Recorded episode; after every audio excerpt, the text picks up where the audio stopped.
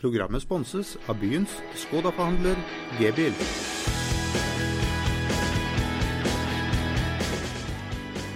Velkommen til en ny runde fotballradioen. I dag må vi snakke om eh, litt eh, fotball som vanlig, men ikke minst det som skjedde i går kveld, eh, Jesper, med håndball. Vi må ta det, ta det først. Ja, steik, altså. I går moste vi verdens beste håndballag på herresida av Frankrike. De hadde ikke nubbesjanse, altså. En fantastisk prestasjon og ufattelig gøy å se på. Jeg var på vei hjem fra Oslo i fly.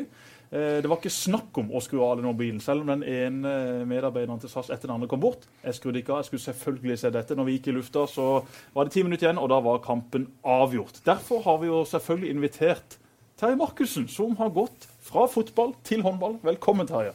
Takk for det. Litt, litt om kampen i går. Hva syns du? Nei, Jeg syntes også det var helt uh, fantastisk å se. Det er klart at Jeg representerer jo altså fram til nå det riktige kjønn på håndballsida, altså damesida, som har, uh, har vært oppi der i mange mange år. Og Det at det nå herrer nå kommer, er jo fantastisk. Og alle på samme størrelse som deg, Jesper. Eh, Som de, sånn som i Frankrike spilte i går, så var det en utrolig imponerende. Og, vi, ja, og, du, og du har hatt litt kontakt inn i, inn i dette fantastiske eh, håndballaget. Vi har faktisk eh, noen som hører på dette programmet, går det rykter om?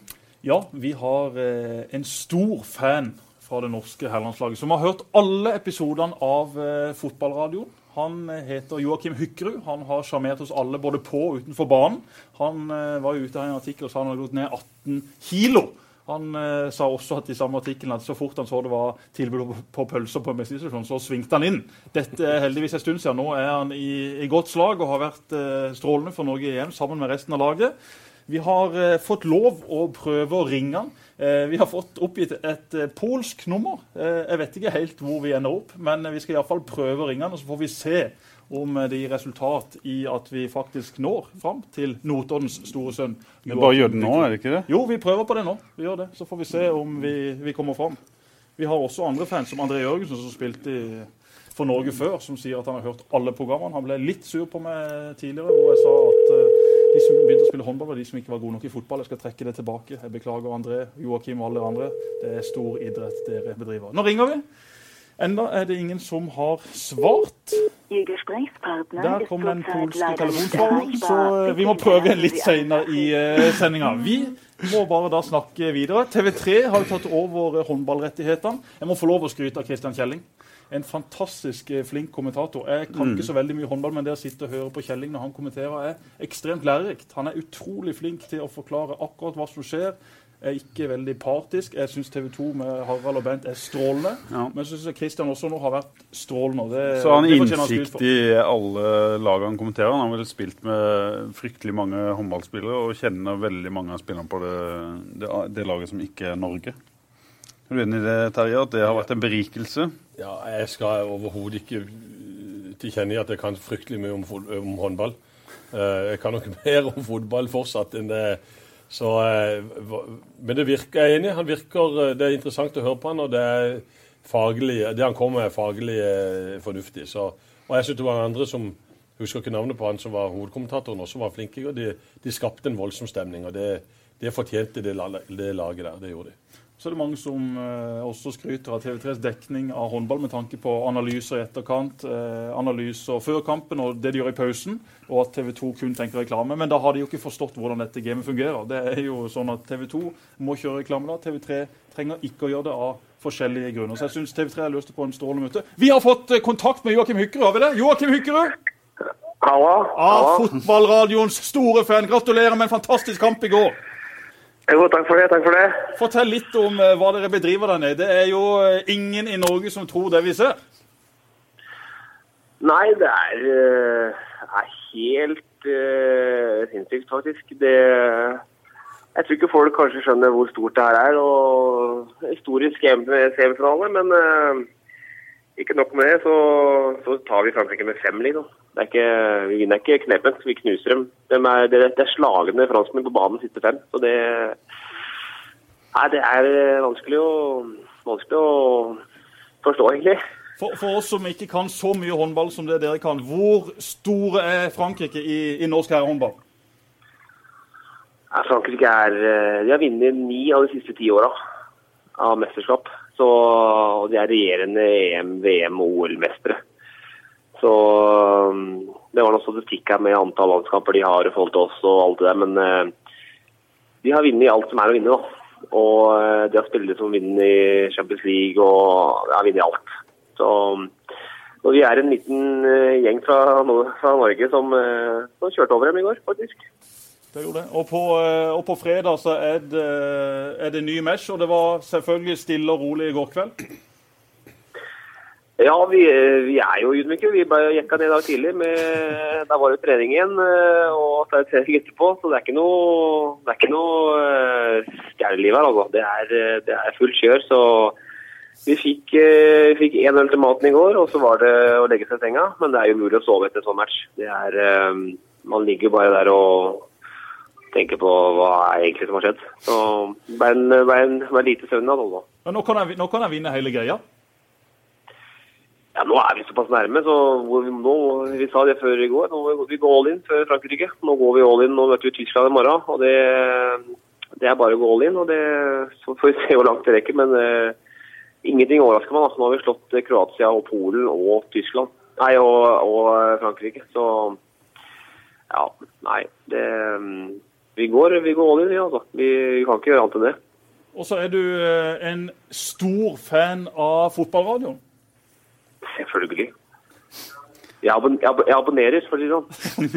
Det er godt å høre. Og så bor du på rommet med Magnus ja. Jøndal. Fortell litt om hva som skjedde denne natta. Magnus Jøndal, da, som dere har sett, så han er jo venstrekant, og han veier jo da 83 kilo, og jeg veier 110. Så øh, det er jo store sammenhenger her. Så det er øh, Og jeg er øh, Når jeg øh, Første dagene som regel når jeg er borte fra sønnen min, så, så er jeg litt urolig om nettene. Og, da, og det veit Magnus, så han er forberedt. Men han, var ikke- forberedt sånn at det kom en 110 kilos kloss oppå han eh, midt på natta. Og prøvde å, da, å rive av han dyna. Um, og eh, skrek i sine 'får av dyna', 'får av dyna'. Eh, var det en, eh, var en, var en redd Magnus Jøndal som lå i senga der. Altså. Eh, og jeg hadde bare stille og rolig gått i senga mi og sovet videre. Så, så han forkjørte seg, han måtte. Altså, han, eh, det er ikke bare det. Jeg hadde jo begynt å stryke, den på låret her, og, og det er eh, han, eh, Vi skal ha til kamera der, altså. Det er mye som skjer. Men uh, han fortsetter jo å bo på rommet der, så det må jo være noe positivt med å bo på rommet der også. ikke? Ja da, vi har bodd på rom nå i mange år, så han er forberedt på det. og men jeg får aldri, jeg får aldri vindusplass, for jeg er redd for at jeg skal gå ut vinduet. Så, så jeg har alltid, jeg har alltid senga nærmest døra. Så det er noen, eh, noen begrensninger her. Så Magnus Jøndal er glad i at du stryker han på låret, og at du legger deg over med dine 110 kilo. Ja, Magnus ikke noe problem med det. Er heller, eh, heller kjæresten hans har vel litt, eh, har vel litt, eh, litt, eh, litt nervøs nå, tror jeg, hva som skjer på rommet. Men han, han liker det. Så leste jeg noen uttalelser du hadde her tidlig i mesterskapet, hvor du fortalte at du hadde gått ned var det 18 kilo, og, og, og at før spiste du Var du, var du like glad, i, glad som oss her i studio i å ta pølsemenyer på bensinstasjonen? Men ikke nå. Ja, ja. Nei, jeg, jeg spilte jo Drammen, og da, da pendla jeg Jeg bor jo, jeg er fra Notodden, jeg pendla jo til, pendla jo til Notodden, Notodden-Drammen. Og da når, når det kom et skilt der med 29 kroner for pølsemeny og eh, brus, brus med, da, da tikka det inn en, eh, en stopp der, altså. Og da og da eh, røna det på, og så ble jeg proff utlandet. Og da hadde jeg første veiing, og da viste vekta 128,9. Um, og nå er, jeg 110, så eh, jeg måtte gjøre noen grep for å, for å ta steg som håndballspiller. Men ja, jeg er, jo, jeg er jo fortsatt glad i mat, men man, man skjønner jo hva, hva man skal ha inn i kjeften. da. Det er veldig bra, Joakim. Det er fantastisk gøy å følge både deg og resten av gjengen eh, der nede. Vi skal dure videre her. Vi vil bare ønske deg masse lykke til på fredag. Jeg skal stå i sofaen og skrike akkurat som jeg har gjort i alle de andre kampene. Vi snakkes igjen, og så håper vi at du fortsetter å høre på oss her i Fotballradioen. Strålende, selvfølgelig gjør jeg det. Supert. Hei, hei. Si det. Hei, det. Pølsemeny og brus, gutter. Det, vi har vel alle slitt med det i perioder? Ja, men Vi er jo ikke idrettsutøvere, noen av oss. Ikke du heller. Nei, det er det jeg sier. Jeg har føket opp i vekt siden jeg slutta å spille, så jeg må også ta noen grep. Du har jo tidligere hatt noen konkurranser med din bror Lasse Markussen i Jegers. Fortell hvordan det endte den ene gangen. Og du klarte aldri å slå han. Du Nei, og Lasse men, men nå er jeg tross alt eh, nesten voksent liv eldre enn eh, lillebroren min, 18 år. og Vi hadde en runde der som vi alle tre brødrene eh, løp en del, hver for oss. Og så hadde da Lasse satt eh, rekord på denne på 35. Og det er lang løype, det er 80 km, så det, det, var langt. Og jeg skulle da, hadde ikke spist noe særlig og fant ut at det, her skal jeg virkelig trø til. Og gikk opp og løp. Løp så at jeg så stjerner når jeg var før jeg kom til Gilshytta. Vi løp opp der med noen forferdelige bakker opp. Når jeg kom inn til så var jeg helt fullstendig skutt og brukte lang tid til å ta meg inn igjen. Drakk bitte grann, kjørte til Flekkerøy. Det var under eh, Cup, eller Sør Cup eller jeg husker ikke navnet da. Men i hvert fall så gikk jeg plutselig bang i bakken. og så var det ambulansen, og da trodde jeg at jeg hadde noe hjertetrøbbel og sånn. Så eh, det var nok et utslag at jeg ikke hadde spist og ikke hadde drukket, og egentlig overvurderte meg litt sjøl. Altså, jeg, skal ikke gjøre sånn en gang til. Du har konkurranseinstinkt, eh, Terje. Det er jo tydelig. Ja, det tror jeg en må ha. Altså, I fjor når jeg ble utfordra av deres, deres journalister i forhold til, til palmerittet, så gikk jeg langt ned i kjelleren. Jeg var liksom ikke helt like dårlig trent som de tre andre.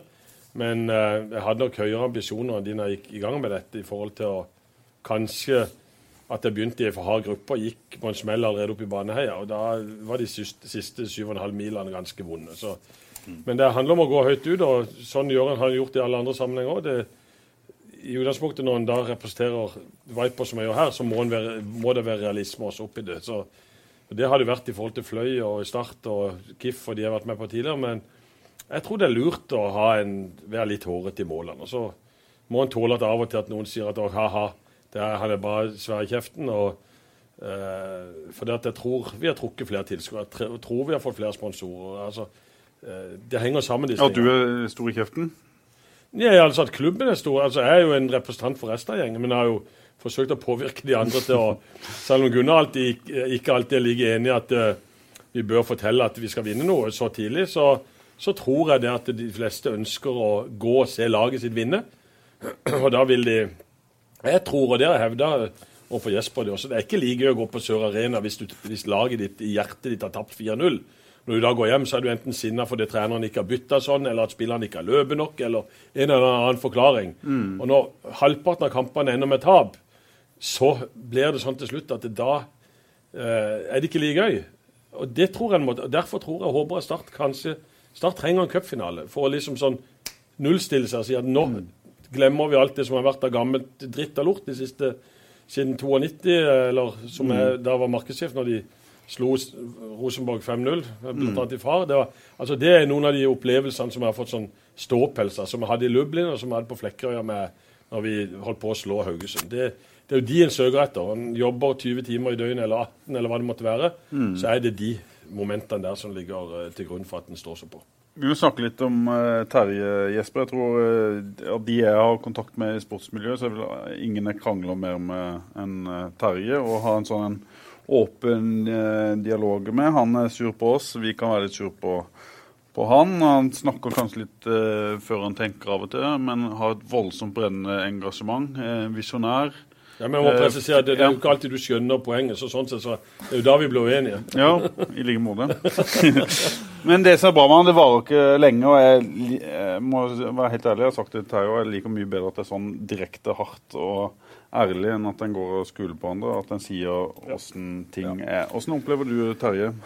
Terje er jo ekstremt direkte i måten å kommunisere på eh, i settinga som han er nå i, i Vipers, som han var i Fløy. Han har også vært en han har spilt Ollebrukskamp, og en gang så, så, så eh, sa, kalte han dommeren en apekatt. Mm. Eh, dommeren spurte kalte meg en apekatt, så sier Terje ja, ser du noen andre apekatter her? Terje fikk rødt kort, ble utvist på Ollebrukskamp. Den er også fått av din eh, gode bror, byens beste eiendomsmegler, Lasse Markussen. Terje er jo en fantastisk ambassadør for for idretten i Kristiansand. Der han har vært. altså Vipers hadde ikke vært i nærheten av der han er nå hvis ikke det er for Terje. Terje er ekstremt flink til å skape engasjement. Han kjenner samtlige i næringslivet i Kristiansand. Han har en egen evne til å hva skal jeg si, ikke, han, han, skaper noe, han, skaper noe, mer enn det det egentlig er på det tidspunktet. Og så har han vist nå i Vipers, han har vist i Fløy, at han faktisk klarer også å gjøre handlinga av de ordene han først legger, legger, på blokka. For han legger hodet på blokka, men det må vi tørre. Hvis ikke så klarer vi ikke skape noe. Jeg syns det er fantastisk gøy å se Terje når han legger ut det ene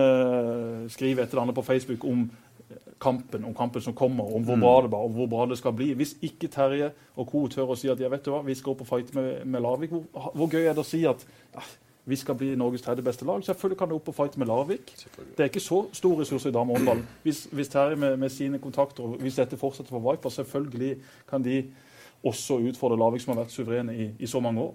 Og i, akkurat nå så er vel avstanden mindre enn noen gang har vært, hvis du ser på i nyere tid, Terje?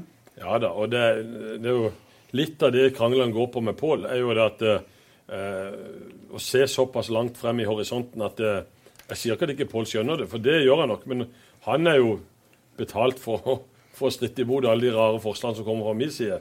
Også på økonomisida, selvfølgelig er han det. Men, men, her handler det om å skape noe for Kristiansand. Politikerne har, jo absolutt skjønt det når de ga oss støtte i forhold til europacupdeltaket. Så jeg tror vi er rimelig sikre på at vi kommer til å være med i Champions League, kommer til å komme langt. Vi kommer til å presentere mye spennende de neste månedene i forhold til mange forskjellige ting som gjør at uh, vi er Jeg håper vi er forbi Larvik allerede neste år, men i hvert fall før uh, 17-18-sesongen. Hvis dere vinner de to neste hjemmekampene, så er Skuddal på i forhold til medalje i Eliteserien. Ja, altså jeg det at vi allerede i år kan ta en sølvmedalje Glassverket har jo stoppa litt. Mm. Eh, kommer to ekstremt viktige kamper nå. Hjemmekamp mot Sola først uh, søndag. Og så er det hjemme mot uh, Byåsen, som er en nøkkelkamp 30.2. Ja, det, altså, Sola, I utgangspunktet skal, er Sola sånn en kamp på hjemmebane du skal vinne. Mm. Men de har fått Tonje Nøstevold tilbake, som hjelper de litt. Grann. Det blir lite folk på tribunen, for det er antagelig, hvis Norge vinner over Tyskland i morgen, så er det midt i VM-finalen. Mm, EM-finalen, unnskyld.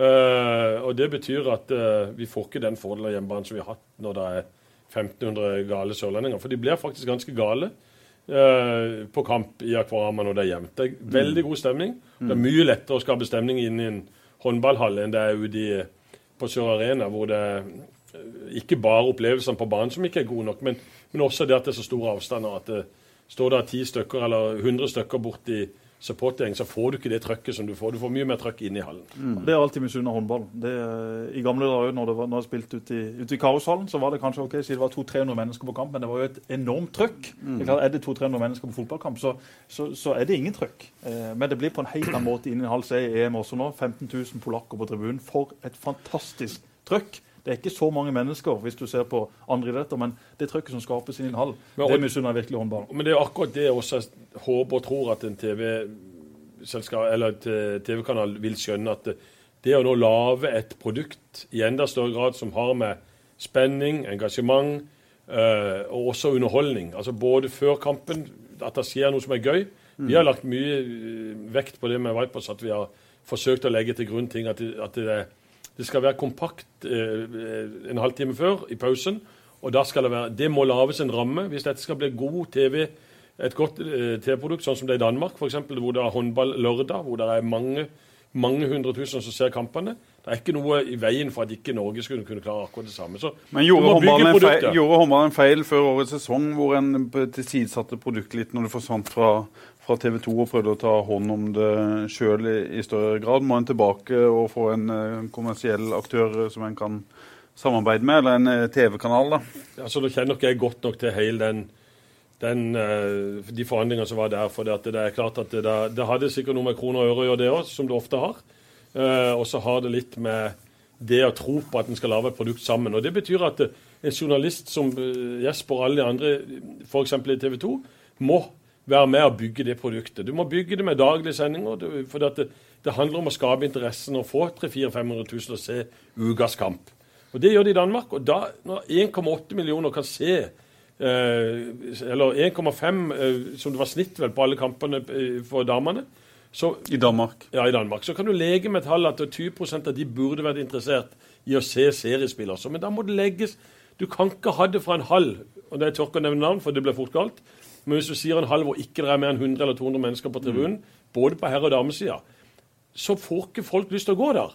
Men hvis du ser at det er 1500-1700 mennesker i Akvarama, så har du lyst til å komme deg et sted, For du hører hvor bra stemning det er, og du ser at dette er noe helt spesielt. Så det må bygges opp. Og da må både Håndballforbundet og Norsk Topphåndball, alle klubbene, skjønne hvordan dette produktet skal bygges. Så det er... Det er ikke noe av problemet, eller en kan kanskje ikke kalle det problem, men eh, Eller en kan kanskje det. Larvik. At de har vært så suverene at det ikke har vært uh, spenning i, i toppen, som det- du ønsker å skape nå. Det tror jeg nok også er riktig. Men altså, jeg tror jo også at det er sånn som det er på fotballsida. Det, det er klubber der som ikke er like interessant for TV 2 eller, eller en annen kanal å vise. Men, men fordi at det er lite trøkk på, på, på tribunesida. Det, det er kanskje et trøtt lag i tillegg.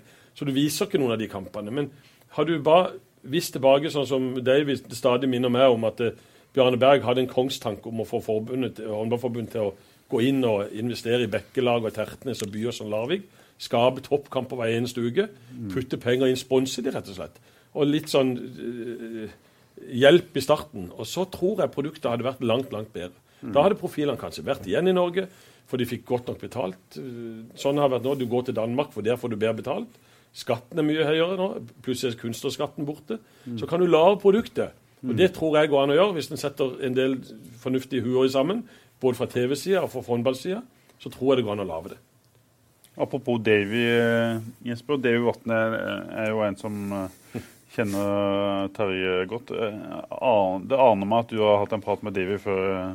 Davy er jo, i, skri, kommer. I skrivende stund er jo Davy i Syden og, og slapper av litt før, før, ja, på Tenerife før den norske sesongen smeller i gang. Jeg sendte han ei, melding og sa at vi får besøk av Terje i Fotballradioen. og Har du noen historier? Og så sier Davy først at jeg er mine venners venn, røper aldri pinlighetene på sjø eller land.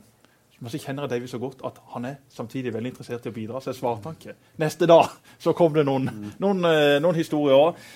Han har jo fortalt den historien før, i hvert fall i, i, til meg og Ole Martin. og forteller han egentlig hver gang vi er i Bergen, at du er ikke noe god i, i båten, sier Davy. Altså Alt dette kommer fra Davy, så Terje må få lov å forsvare seg etterpå. Han sier at når vi er ute på sjøen, så må det være pålandsvind, og så skrur du av motoren midtfjords, og så bare siver du inn, og så står familien klar til å ta deg imot når du kommer på brygga. Det er ikke snakk om å kjøre inn til brygga. Hvis det er litt for mye sjø, så kjørte de da forbi eh, Terje Markusens gode venn Rune Iversen i Søgne. Eh, det var strøm i Sunnive brygga, og Terje sier de er sikkert ikke hjemme. Og så dro de tilbake til øya. Dette er da David som forteller. Og eh, da skulle også Terje skulle innom eh, Skal jeg få lov, få lov til å få Ja, vi må bare ta den også. Skulle innom fiskebrygga og kjøpe softis. Kjørte ut under broa, snudde på åpent hav for å komme rett på. Når du så andre båter der Nei, jeg er ikke så glad i is. Nå vet Pål at de, altså, Pål har jo også et spesielt forhold til Davy. For han er sterkt kritisk til en del av det som Men noe er sant, ja. Og jeg, altså, min båt, den båten jeg har, den har jeg hatt siden 2005. Og han har gått uh, Det er så vidt, han har, altså, så vidt jeg passerer 20 timer i året i båt. Så det har blitt litt mer nå i det siste. Men fra begynnelsen var jeg ikke god, det må jeg ærlig innrømme. Og det, og det er en båt som er ganske tung, og så er det ikke noe baugpropell, så han driver fort av. Så det at, eh, og Spesielt når jeg skulle legge til, så sleit jeg. Det innrømmer jeg på Flekkerøya. Første gang jeg kom inn der og hadde ungene med, så gikk fram og ta imot. Og så fikk jeg anker i revers, og hun satt beinet imellom. Da kom naboene fra Rogaland løpende rundt for å hjelpe med førstehjelpsskritt. Andre ganger, det var et, år seinere, da var det jo De var i, klar for å ta imot når jeg kom inn. og da hadde han vært på verkstedet, for da hadde det kommet noe vann et eller annet sted som, i motoren som gjorde at det måtte han inn. Og når jeg da skulle komme inn og hadde sett han i revers, så var det noe feilkobling. Så da gikk, jeg, da gikk han fremover når jeg skulle bakover. Og da var jeg langt oppe på brygga, og da så jeg disse rogalenderne. De, gispa. De trodde de var kommet til en skrekkfilm. og Båten gikk langt opp på brygga, og så slei den, til jeg fikk dra den av. Tilbake til en knapp. Så han hang på brygga. Etter det så går rogalendingene inn i hytta når jeg kommer, til, når jeg kommer på brygga. Så det, men jeg er blitt bedre nå. Men eh, Dave er liksom ikke den som trekker fra noe. Det er jo så det Nei da. Men det har vært mye morsomme ting. Eh, Han eh, snakker også med, med, med, med Davy. Jeg spurte om du var god til å fiske. Det spurte også Lasse om, din bror. Lasse sa at eh, når du og Kjetil og Lasse, da, som er de tre brødrene, er ute og trekker garn, så sitter alltid du med polvotter i fronten og bare administrerer. Nei, det er ikke riktig. Jeg sa din en båt ved siden av. For at, en. Min bror var med, han yngste Lasse, på, på en vinter da. Han frøs opp på nevene, og da skulle jeg være mentor for dem. Så da hadde jeg Akkurat. båt ved siden av, og jeg gjorde ingenting. Jeg var bare liksom sånn en, en rådgiver. Du lærte det egentlig opp. Ja, det gjorde jeg. Han sier også at du, David sier at du er for utålmodig til eh, å, å fiske. Han sier at når, du ser på bølgene, så ser du at ikke det er noe for. Gidder ikke kaste snøret uti. Davy skryter også spesielt av jobben du gjorde i Fløy. Davy har jo en forkjærlighet for Fløy. og Han, står jo til stadighet på tippeligaarenaer rundt om i Norge med ei fløyjakke han har fått av Fløy. der ute på, på øya. Han sier at eh, når eh, Terje var leder i Fløy, så hadde Fløy Obos-format og var i andredivisjon. Nå har de tredjedivisjonsformat og er fortsatt i Oddsenligaen. Han, han hadde også så stort konkurranseinstinkt at selv hjemmedommeren ble trua av Terje. Han eh, gikk en gang på Karl Johan eh, hvor han så to sider i Feven. Hvor eh, han trodde bildet var fra Sør-Amerika. Og Da var det altså Terje som angrep den stakkars dommeren. Programmet blir sponset av byens Skoda-forhandler G-bil. Det er også et annet eksempel fra ditt konkurranseinstinkt. Nå er vi over på Paul Rikardsen, som sier at for en del år siden feira dattera til Terje tiårsdagen. Da ei jente som var i selskapet kom hjem, ble hun spurt av foreldrene om hun hadde hatt det gøy. Ja, svarte jenta. Men det var litt kjedelig at pappaen vant alle konkurransene. Er du der, Terje, at du elsker å konkurrere samme hva det er, eller? Nei, ja, nesten er nok det. Så det, det, Derfor er jeg ikke med i så mange konkurranser. Jeg spiller ikke så mye spill eh, som kanskje andre fedre gjør. for at eh, jeg har aldri skjønt det. Hvis du først skal spille ludo, så er det jo viktigst å komme først til mål. Uansett om det er datter eller sønn du konkurrerer med. Så det, der har jeg kanskje ikke vært særlig god far. altså. Paul, Paul har en historie. Det var en bedriftsturnering i fotball. Det lå an til at du kunne møte Astrid, din tidligere kone, i kvartfinalen. Han, da ga du klar beskjed til Astrid om at eh, hvis dere skulle møtes, kom du til å legge inn en protest til juryen på henne. Fordi at hun hadde spilt aktivt for Don 3 for under seks måneder siden. Det var ikke lov i reglementet. Nei, Jeg hadde nok ikke gjort det. altså. da hadde, de hadde, Det var enkelt å lage det som en historie, men, det, men eh, hadde bryggeriet juksa, så skal du ikke si helt det. Og Davy bor jo hos deg hver sommer. En god, god venn. Dere har et godt forhold. Absolutt. og vi har det, altså... Davy er en fantastisk god kamerat. Etter, etter jeg tok tak, eh, ringte han i begynnelsen av 2000, på 2000-tallet, 2001 tror jeg det var, og spurte om han kunne være dommer i, i, i Color Line Cup. Og så kom han ned, og vi behandla han sånn som vi har gjort med både Nils Johan Semborg og Hareid og flere andre, for, å, for at vi skulle la de trives her. Og etter det så har jeg hatt et pleid vennskap med alle disse menneskene for at eh, jeg syns det har vært veldig OK. Og det, Davy har vel til og med uttalt at eh, du skal ikke se bort fra at når han er pensjonist, så flytter han til Flekkerøya. Så fint har han hatt det der. Ja, altså han, har, han står på lista til, til vrak i leilighet. Det, det som er, det er vel anka til Fylkesmannen, men det, det, han vil gjerne kjøpe seg en leilighet der og bo fast på Flekkerøy. Og det tror jeg han på. Han snakker alltid ekstremt varmt om eh, Fløy, om Flekkerøy, om Kristiansand og Federlandsvenn. Federlandsvenn, ikke minst. Norges beste avis. Eh, I tillegg så, Men så er det jo litt sånn Davy sin måte å kommunisere på. Hvis Men bare ta det med FVN først. Han gjør jo ikke det. Han er jo sterkt kritisk til FVN, men det er fint å ha noen, eh, noen sånne der ute. Og vi må tåle at folk uh, hakker Ja, litt altså. på oss. Og, og det vi liker å hakke på andre mediefolk, det vet alle som følger ham ja, på, på altså Twitter og Facebook. Men så lenge han er der han er og sitter på toppen og styrer fotballsendingene med flest se- seere i Norge, så altså jeg må si det, jeg kom inn i TV 2, TV 2 i fjor for meg, så jeg har Davy vært, og er, suveren. Han er en eh, fantastisk god venn, men også på, akkurat på det han gjør. Eh, det å lede fotballsending eller det å være journalist rundt norsk fotball, så er han eh, enestående, syns jeg. Jeg syns han er ekstremt flink. Han har en enorm kunnskap, og så er han en en, en fyr som kanskje noen misforstår noen ganger. Han har f.eks. skrevet at 'hvordan er det å, å bo hos Terje'? Så får du ferdig frokost på, på senga hver dag. Så skriver han aldri. Det er hjelp til selvhjelp. Det er som å være på en arbeidskoloni. Hvis jeg noen gang blir dømt til fengselsstraff, så håper jeg at jeg får fradrag for månedene i Årekjerre. Psykisk og fysisk terror. Så spør jeg, men du kommer igjen og igjen.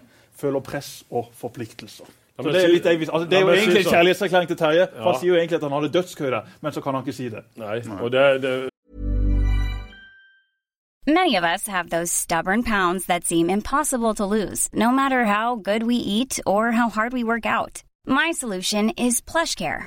PlushCare is a leading telehealth provider with doctors who are there for you day and night to partner with you in your weight loss journey. They can prescribe FDA-approved weight loss medications like Wagovi and Zepbound for those who qualify. Plus, they accept most insurance plans. To get started, visit plushcare.com slash weight loss. That's plushcare.com slash weight loss. Uh, nå er det jo sånn at han står opp klokka ti som regel. Ja. Frokost klokka ti, da er alt på bordet. Ja. Og hvis ikke han, altså, så håper og tror han kan greie bort å gå og hente Cola Zeroen i kjøleskapet, for den skal ikke stå ute for lenge. Så det klarer han ikke. Da klager han. Da kommer første klagesetning på morgenen. Så tar han ikke vekk et tøddel fra frokosten. Han sitter som han er på det et hvilket som helst hotell i hele verden. Setter seg bort til PC-en, går enten på Twitter eller et, uh, Facebook eller hvordan som han lever under for. Og så vil han gjerne ut og fiske. Jeg har jo tross alt en del andre ting jeg må gjøre. Så det kommer klagesetting nummer to fordi dette jeg aldri prioriterer hans ønsker. Så sånn går det utover dagen. Og vi Men det- skal, vi skal ha Davy her i, i fotballradioen. Det har vi bestemt oss for. Han skal, skal vi være gjest, og da skal han få lov til å komme med Ja, sine- selvfølgelig. Vi Men det er gleder oss til å få Davy på besøk. Men det er klart at det, Pål, altså, det er jo sånn at du er jo et menneske, du. Og du, i flere av de sakene vi har diskutert Mange har jeg feil i, ja. Men du har jo også feil i en del av de. Blant annet eh, Nei, jeg skal ikke nevne det. Vi kan, gjerne- vi kan gjerne diskutere. Jeg vet ikke hvor Nei, men gøy sånn, det altså, liksom er sånn, for så, sånn må det jo være. Det er jo mye bedre at det er sånn. Sammen med David det er jo direkte kommunikasjon. Ja, Sammen ja. med Terje, med, med deg, Pål, og med meg. Altså, det er mye bedre å si det sånn, så er man ferdig med det. Ja. ja. Produktet blir bedre til slutt, antagelig, når du er sånn. David er glad i Sørlandet. Vi er glad i, i Davy. Vi kan si det sånn. Vi gleder oss til å få ned i sommeren. Da skal han også være gjest her. Selvfølgelig skal han det. Men du, vi må snakke litt om, om fotball. Vi heter Fotballradioen. Det har vært en del håndball, en del om eh, Terje. Vi må snakke litt om, om Start. Terje, du er veldig interessert i Start. Du var involvert i klubben i 92 og 93, som du snakka litt om i stad, på markedssida. Du har vært involvert i Fløy og, og Don, og, har mye fotball i, i blodet. Eh, hva tenker du om eh, klubben der den er akkurat nå? Nei, altså jeg, Det har jo vært nødvendig å ta noe grep, sånn sett utenfra. Også her jeg må jeg bare kommentere det en har sett utenfra, hørt fra avis og dette. Men, men eh, rent økonomisk og sånn sett så kunne du ikke hente inn alt det som måtte være av, de spillerne måtte ønske. Så, eh, men jeg tror, som jeg nevnte i stad, jeg tror at det start, altså Start må ha et positivt godt resultat enten i serien eller altså en plassering i serien som er fornuftig, eller i cupen. Det må være en opplevelse som folk kan si OK, vi har lyst til å se Start igjen. Du har lyst til å gå på og kjøpe sesongkort for eh, 17-sesongen. Da må du ha positive opplevelser. Du kan ikke fortsette med at du, du ligger nedi der og, og, og må spille kvalifisering eh, og rykker de ned, så er det jo kjempevanskelig antagelig å komme opp igjen. Men derfor tror jeg og håper at de klarer det. Eh, det er utfordrende, for mye styres av penger, og som også i, i håndballen og alle andre idretter.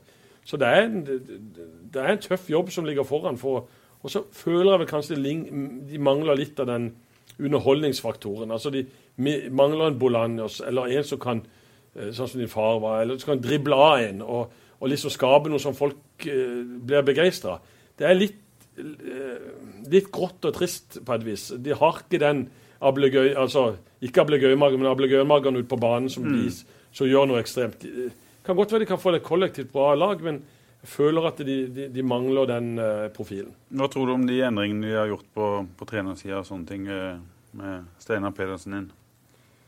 Ja, så Steinar er jo, Jeg syns Steinar virker som en bra mann ut fra det jeg kjenner. så det, at, det, det tror jeg nok var fornuftig. Men også han kan ikke skape gull av gråstein. Og det er tross alt, Jeg tror også han kunne ønske seg noen av de type menneskene jeg refererer til nå, som kunne gjøre det ekstraordinære. og Aller helst på midten eller foran. Mm. Kan, stå, kan stå der bak i forsvaret. Mm. eller hindre motstanderen å skåre. Ja. Men det er ikke like lett for Jesper å gå fram og drible av to-tre stykker, og så skåre. De mangler de. Mm. Ja da, og det er det folk kommer for å se. Og selvfølgelig vil både Steinar og, og alle andre ha en Christian Bolanos som dessverre signerte for en amerikansk klubb for, for en måned siden, som vi hadde elska å sett her i klubben. Det er jo det folk husker, det er det folk vil komme og se på. Og til syvende og sist da, så gir folk blaffen i hvor de kommer fra. Om de kommer fra Nigeria, Costa Rica eller Norge, det har ingenting å si. De vil komme for å se god fotball, selvfølgelig sammen med flere lokale. Litt sånn som, sånn som dere i Vipers nå har Nå popper det opp lokale profiler. Hvorfor? Jo, fordi dere har et godt kollektiv med utlendinger som hever nivået. Da popper også de lokale unge spillerne opp. Men jeg tror ikke det er lett for en ung lokal spiller og bli en profil i løpet av kort tid. For da er du 16-17 år. altså Aja jeg har helt sikkert en del ekstremkvaliteter, men, men allikevel så er det sånn at det, Og han har kommet langt tross alt sin unge alder. Men, men han har en spilletype som, som ikke er den profilmageren jeg, jeg nå etterlyser. For dette, mm. Jeg tror ikke det er så lett å finne Jeg vet ikke hvem som er på 16-årslaget eller 17-årslaget som har de ekstremferdighetene. som kan Jeg tror du må hente de utenfra. Jeg hadde håpet i fjor så hadde jeg håpet at de hadde hatt penger til å hente inn Bollanjos på slutten av sesongen. Mm. Jeg synes Det hadde vært morsomt. Folk husker han, de frisparkene fra 25-30 meter som var helt oppe i krysset. De skuddene på volley og sånt. Og, og, så er det ikke sikkert at kroppen hans er like bra som han var når han var sist. Men hadde han vært det, så hadde han vært sånn en. Mm. Og må De må finnes. Og du bommer på noen av disse her som kom fra Costa Rica. For de hadde ikke, de, de hadde ikke de, de, eh, den kompetansen som de skulle hatt. Jesper, du som jobber litt med det, og vi trenger ikke gå inn på eh, Jeg eh, vet at du ikke liker å svare på navn og de tinga der. Du sitter midt i det i starten. Men hvor vanskelig er det å finne sånne type folk som det, og hvordan finner man det?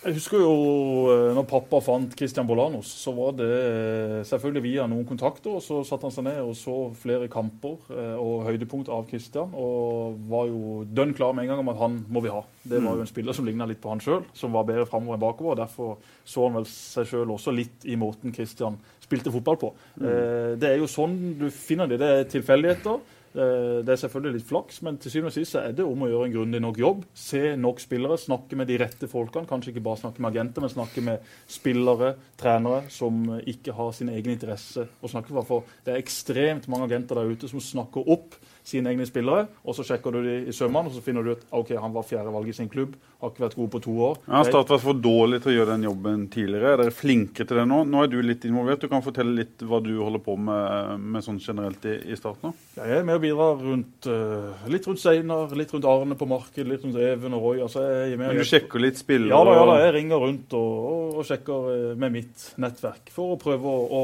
å finne de beste alternativene til den pott man har å bruke for. Der er jo den store utfordringa også i Start. Even Bransdal har kommet inn i klubben og gjort en ekstremt bra jobb med å kutte kostnader sammen med de mm. andre, sammen med styret osv.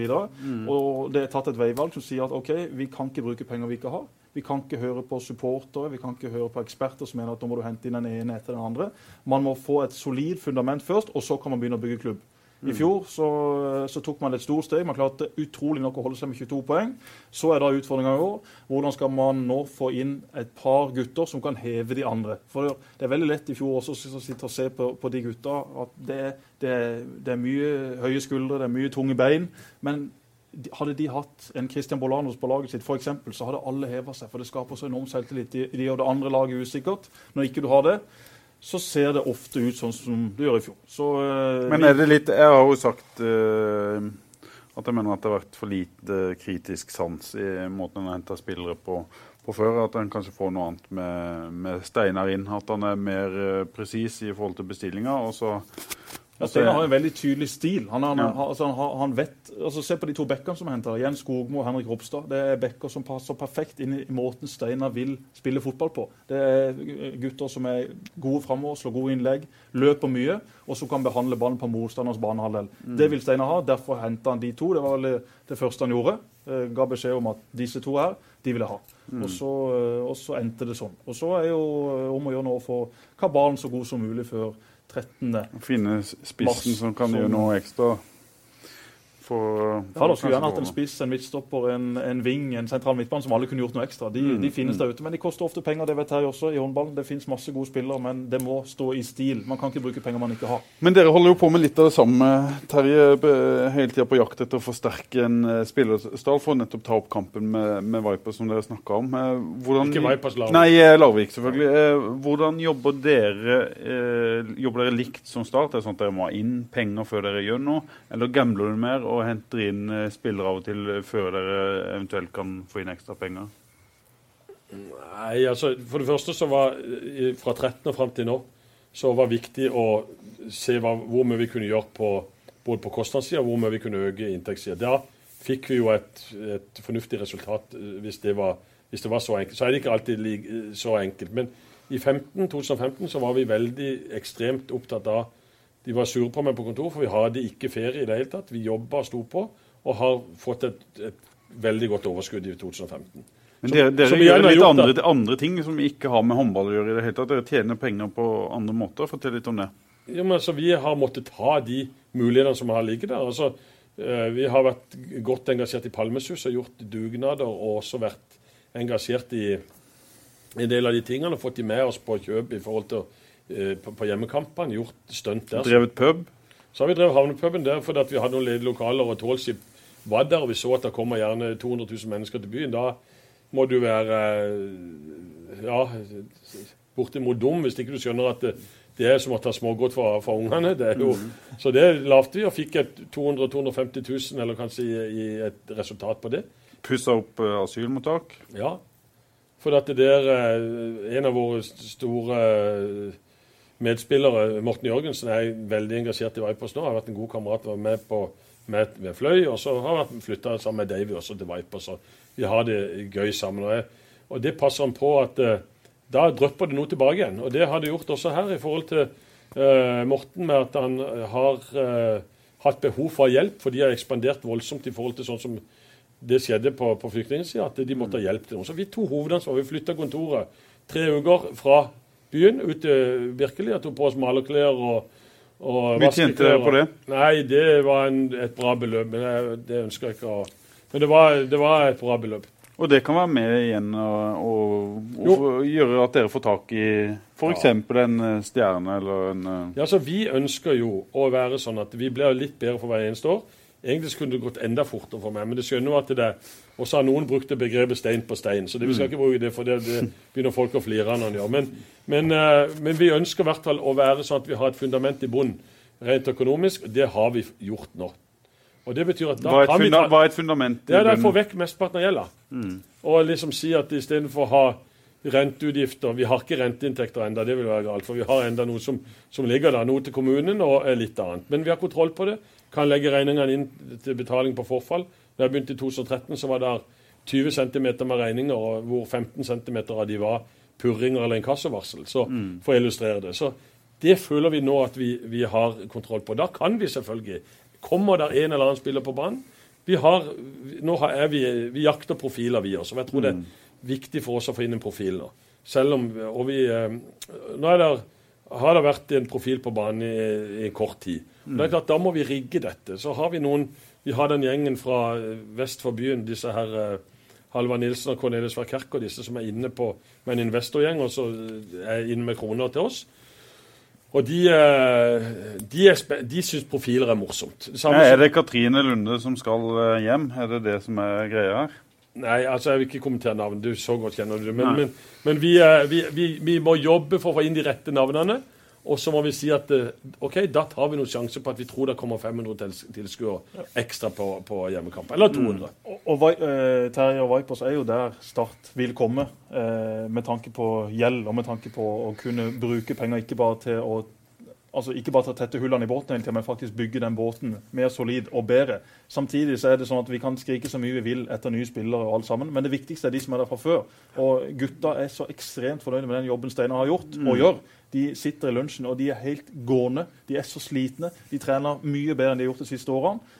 Og samtidig en positivitet som endelig har kommet inn en trener som faktisk er klar på hvordan han vil ha meg i, i min rolle. Og det er jo det aller viktigste. I tillegg så har unggutta i Start, de som er i denne utviklingsgruppa med, med Vikne, med Segberg, Lasse Sigurdsen og, og Markovic, har har faktisk tatt steg siden jeg så dem før. Vi, vi har spurt uh, tre eller fire av de veteranene på trening etter trening. Hvilke spillere har imponert deg mest på trening? Velg blant alle.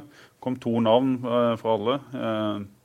Andreas Hollingen, som var i Start i fjor, som har sett meget bra ut på trening og Eirik Vikne, som eh, folk knapt uh, ja, vet og, hvem og det, er. Og det er jo det viktigste. Altså, det er jo der vi må komme. Det er der, uh, det er både Vipers og Start jo, Det går egentlig ut på akkurat det samme, selv om det er litt vanskelig å sammenligne. Det er klart, Du må ha et påfyll av unggutter, og nå har disse unggutter virkelig tatt opp hansken. De syns det er kjempeinspirerende med Steinar. De sluker alt han sier rått, og de trener mm. mer enn de noensinne har gjort før. Mm. Så det er det aller viktigste. Og kan du løpe mer enn motstanderen, mm. og er du sterkere enn motstanderen, så vinner du definitivt flere fotballkamper enn de har gjort tidligere. Mm. Jeg tror at publikum hadde tålt, hvis ikke du får tak i de profilene, som, som både vi og dere prater om, eh, Esper, så, så, tror jeg publikum tåler hvis de, hvis de, må legge seg ned etter hver kamp, hvis det er målet. Mm. Du skal i hvert fall løpe så mye at du viser at du har tatt det fullstendig ut. Mm. Da tror altså da får det av og til være sånn at motstanderen er bedre. Ja, da tap er lettere og å svelge da. Ja, ja, ja, og, det, og, de på banen. Hvis, hvis man rett og slett møter en bedre motstander, så er, så er det så enkelt. Men samtidig som altså i start, du har Daniel Aase, som kom i fjor. Han var strålende mot slutten av sesongen. Han kan bli en stor profil. Han er født på Lund. Det er ingen i Tippeligaen som dribler bedre enn Daniel Aase når han er på sitt beste. Du har Kristoffer Ayer, som er nå ble Ole Selnes akkurat solgt, fikk vi melding her nå, mm. til, til, Frankrike. Da er kanskje Kristoffer Ayer den, den, heteste spilleren i Tippeligaen med tanke på hvem som blir solgt ut av landet neste gang. Det også. Han kan ta steg og løfte laget? Han kan ta steg og løfte laget, selvfølgelig. Så, så det, det, finnes profiler, men det er ekstremt vanskelig å bli profil i et lag som ikke fungerer, sånn som det var i fjor. Mm. Hvem i all verden hadde vært god på det laget? Jo, det måtte vært en i klassen til Bolangos som kunne heve det. Men under der så er det veldig vanskelig å Men det du sier er at hvis en klarer å skape et kollektiv og få et lag til å fungere nå, så vil det komme profiler. Selvfølgelig. Se i 2005 med Tom Nordli, med, med Doffen, med Strømstad, med Marius Johnsen. Med, altså, alle var jo profiler. Hvorfor? Jo, fordi laget fungerte. Men jeg skal si en ting. Vi, når jeg kom inn i 2013, så, så var det nesten umulig å få inn spillere. Ekstra forsterkninger. For at det, ingen, altså, folk visste at Vipers ikke var noe som heller De visste der og da at det var dårlig økonomi, og det var eh, hadde ikke prestert noe. Så fikk vi inn noen, annet Jesse Kramer, så kom vi en agent. I fjor så henvendte vi oss til altså før 14-15-sesongen, så henvendte vi oss til så mange norske landslagsspillere som vi forsøkte, bl.a. et par som gikk til Danmark. Som fikk eh, Vi tilbød lønn som var langt over det som egentlig vi burde ha gjort, men vi var opptatt av å få inn profiler. og få inn Hvor mye er det? Kan du ikke si det nå? jo, sånn altså, eh, folk Hvis du skal gå inn til Danmark, eh, så får de fort eh, ja, et sted mellom 35 og 50 000 i lønn i måneden. Ja. Og det er klart at når vi da fikk eksterne til å være med på noe av dette Så mye kunne dere tilby da, noe Nei, av men det så måtte vi opp i samme område. Eh, men til og med da så valgte de heller å gå til Danmark. Fordi at det må være mer gjevt. Antagelig fordi at Vipers ikke hadde prestert noe. Den seksmålseieren over Larvik var med og bidro i fjor. Vi var med og bidro til at vi kom til semifinalen i sluttspillet og presterte. I år, når vi har kommet, eh, gjort det bra, kommet lenger i Europacupen, så, så ringer folk til oss og spør om de kan komme. Vi har flere landslagsspillere som har henvendt seg og sagt de gjerne vil spille for Vipers. Og Så har vi nådd- si at dere har hatt en, eh, en verdensmester på laget også, som viser at det går an å spille Vipers og, og Breeder for Norge? Ja, ja, definitivt. Men eh, eh, med det, det som var meningen var å si at det, som Jesper er inne på, at det, det er der den dagen Start får opp altså De har kanskje Norges beste gutter 16-lag har jeg registrert, eller 17. De burde hatt et godt juniorlag, selv om de, eller kom langt i junior-NM. Eh, den dagen der kommer opp noen derifra Det er mange på landslaget i 16, 17, 15, 16, 17 år.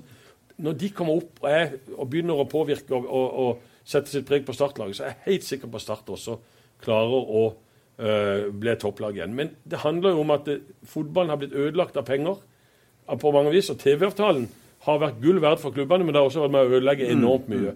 For det har vært med å være lønnsdrivende. Og når én har fått én million, så har noen andre bytt halvannen million. Og så har de kanskje glemt utviklingsarbeidet, sånn ikke Og så tror en 16-åring at han skal tjene 700 000 før han er ferdig på gymnas.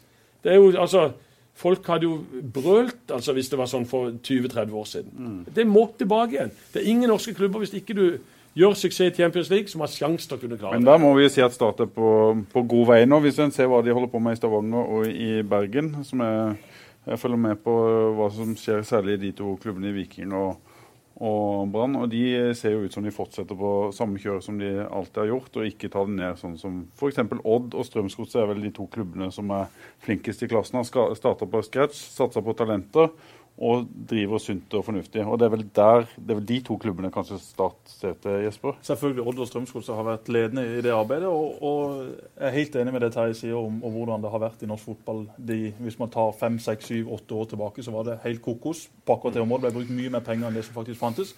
Nå er det en, I Start også så er det en helt ny gjeng som sitter der. Det er bytta ut alt, alt som var der før. Det kommer nytt styre nå. Det kommer, det kommer nytt styre. Eh, med, altså, altså, og, og Even som jeg sa i stad, har hatt baller til å ta de kuttene som faktisk må tas, og står på sitt. Han er sta. Jeg har krangla med han gang etter gang og sagt han her kan vi få. Jeg fikk faktisk mail om Emanuel Eboe, som spilte i Arsenal her om dagen. Agenten hans han ville til Start.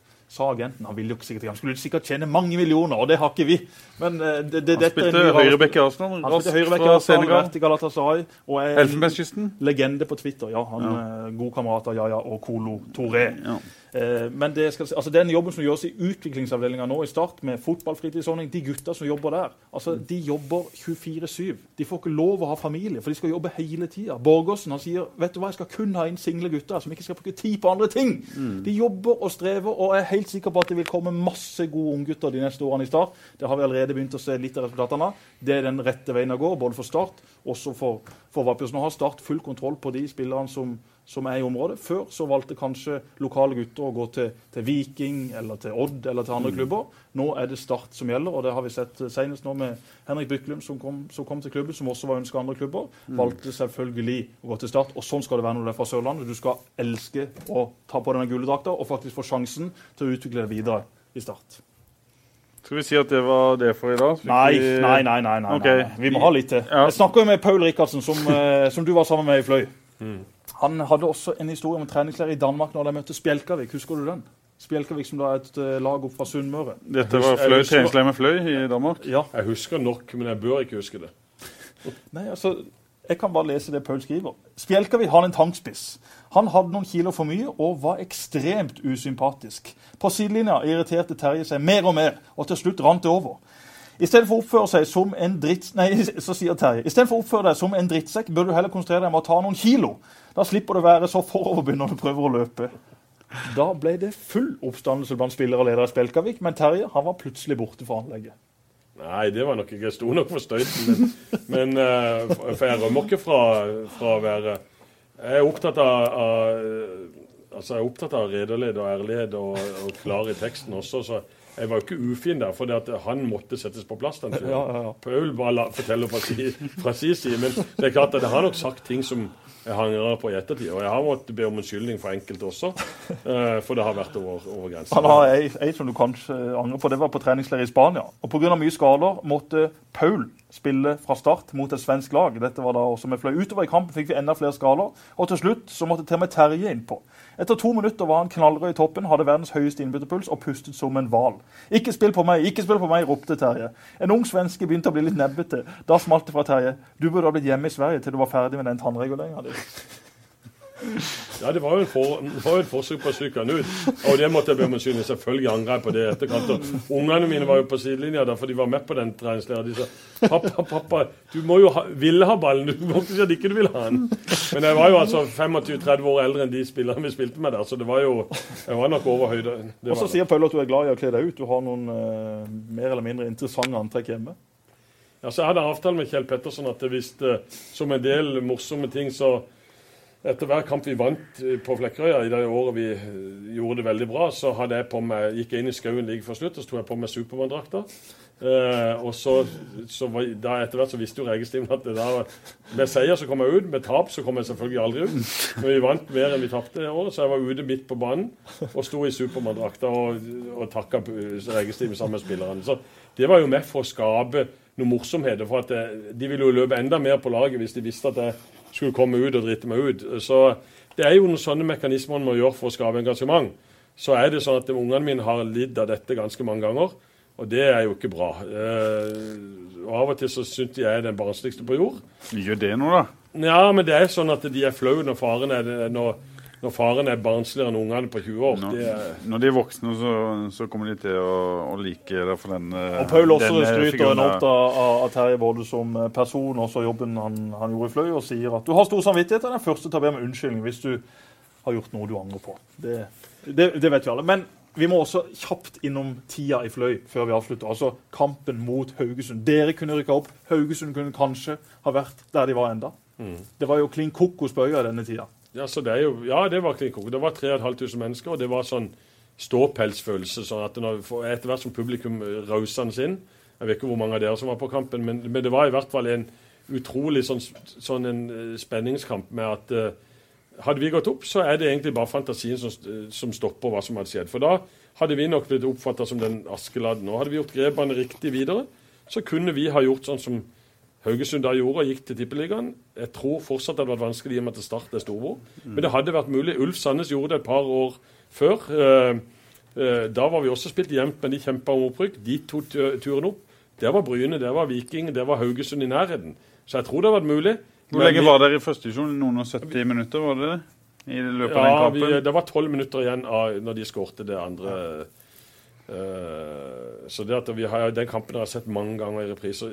Flere av de episodene der med bl.a. Fredrik, at de kan skårte på noe av det som var det er, det er nesten sånn som jeg var i Gåtøy Cup med juniorlaget til Donny ja, det må være 40 år siden, eller nesten det. Og vi var bestått ut i kvartfinalen eller åttendelsfinalen, og jeg fikk en og jeg var ikke kjempegod, det skal jeg ikke slutte på med. Det er sikkert så lenge at alle har glemt dette, men da fikk jeg en på en corner heade, og så var det en kom det et hue opp på 0-0, og så redda de på streken. Det var en av de få gangene jeg holdt på å skåre mens jeg var i Jeg var også midtstopper, Jesper. Så det, men det, det kommer av og til også frem i drømmer. Men Kan Fløy noensinne eh, komme tilbake til der de var? Det kan de selvfølgelig, men det handler om å, å, å legge mye arbeid i å gjøre dette. For det er eh, flaks er i gang sånn, Du må ha mye flaks med deg hvis du skal klare det. Og er, Definisjonen på flaks er da skal du jobbe knallhardt. Og Det er det vi forsøker hos Norsi Vipers nå. å si at vi må jobbe mer enn alle de andre for å bli bedre. Vi må jobbe mye mer enn Larvik for å bli bedre. Og Det må da også Fløy også gjøre. Og Så må de ha typene inn som kunne si det at vi, vi vil være så og så mye i hallen. Og vi vil skape et miljø for å få folk ut. Du greier det ikke bare med Flekkerøy-gutter. Du må ha folk fra hele byen, eller hele landet, eller hele Europa eller hele verden. Og En av de som har kommet fra byen, er Lars Christian Pedersen, som uh, har gitt beskjed om at han er ferdig som uh, fotballspiller i Fløy. Det må vi kalle en Fløy-legende. Ja, etter å ha kommet fra Don. Og også der husker jeg den første gang jeg så uh, Peder, som vi kaller han da, skårte med, det, med venstre, eller venstrebeinet sitt i, i krysset på, på, på gamle Kristian stadion. Han hadde, han hadde eventyrlig skuddstyrke, i, hvert fall i begynnelsen. På slutten hadde han blitt litt yngre og litt uh, ja. Men jeg husker den første kampen han spilte for Don i andredivisjon. Mot Kvikk Halden i 2004. Ja, der skåret han tre mål. Tre mål. På tre sinnssyke langskudd. Det var er volley, og det var langskudd. Var Det var det det verste jeg To, har sett. to frispark og en uh, volley, var det vel, og de spilte 3-3 i åpningskampen. Og det er rykket på stadion? På gamle stadion. Men Ja. da eh, har vi samme Ja, og da går eh, Svein Mathisen, pappaen til Jesper, går da ned på kne til Lars Christian Pedersen etter kampen. Og jeg vet ikke om han pussa skoa eller kyssa den. Det er et bilde vi hadde i, i Fjellandsønnen, og da ville vel alle ha Peder til, til start etter den uh, Ja, det, det, oppvisninga altså der. det er de, av én spiller i én og samme kamp, så er det de tre sykeste målene jeg noensinne har sett. Altså, det var, og det var klink i vinkelen fra Sørlandets eh, nest beste venstreben. Ja. Ja, altså jeg synes uh, Lars Kristian har vært veldig god i mange år for Flø. Jeg var overrasket over at ikke han også fikk en mulighet til å kunne uh, å være med i Start. At ikke de tok han inn. Jeg vet ikke grunnen til hvorfor ikke det ble gjort. Men, men jeg syns at han hadde en del kvaliteter som var godt nok. Han mangla nok kanskje en, en topphastighet og en, en kvikkhet i altså Det var det som mangla, for han var, han, eh, han var ekstremt god med venstrebein. og uh, han Spilte han vel på feil posisjon mens han var i Start? Han var vel venstreback hele sin periode Ja, i Start, på Start 2, og, og så kom han til Fløy. Lars Kristian har eh, masse kvaliteter som kunne gjort at han fint kunne spilt på et høyere nivå enn det han har spilt på. Og så er det kanskje det med, med farta forflytningsevne som, som, ikke, som skilte han fra å være helt der oppe. Så eh, Men han vi skulle, må, han skulle vært der nå, så vi kunne ha dratt noen episoder om han, men, eller historier, men det er jo ikke pent å så prate om en som ikke er til stede. Sånn som David da gjør her, er jo Nei, svært, David, svært dårlig. David liker at vi prater om han. Du kan, du kan jo forsvare deg her, eh, Terje. Nei, men det var, det var veldig hyggelig å ha Terje på besøk. Vi ønsker eh, både Vipers, Norge og, og Start lykke til med det, med det som kommer. Og så må vi sende en liten hilsen til vår venn Jon Andreassen, som jobber i Agderposten. Han er jo også en, i likhet med Joakim Hykkerud, en av fotballradioens største fan. Han hører hver episode naken i sitt badekar. Så Jon, nå ligger du der og spreller naken. Nå har du ligget der lenge. Vannet er sikkert ikke så lunka lenger. Han begynte å få sånn eh, hud, eh, Han har fått hud, og uh, nedentil er han blitt mindre og mindre utover programmet. Nå må du komme deg opp. Takk for i dag. Uff, for en avslutning. Programmet ble sponset av byens Skoda-forhandler G-Bill.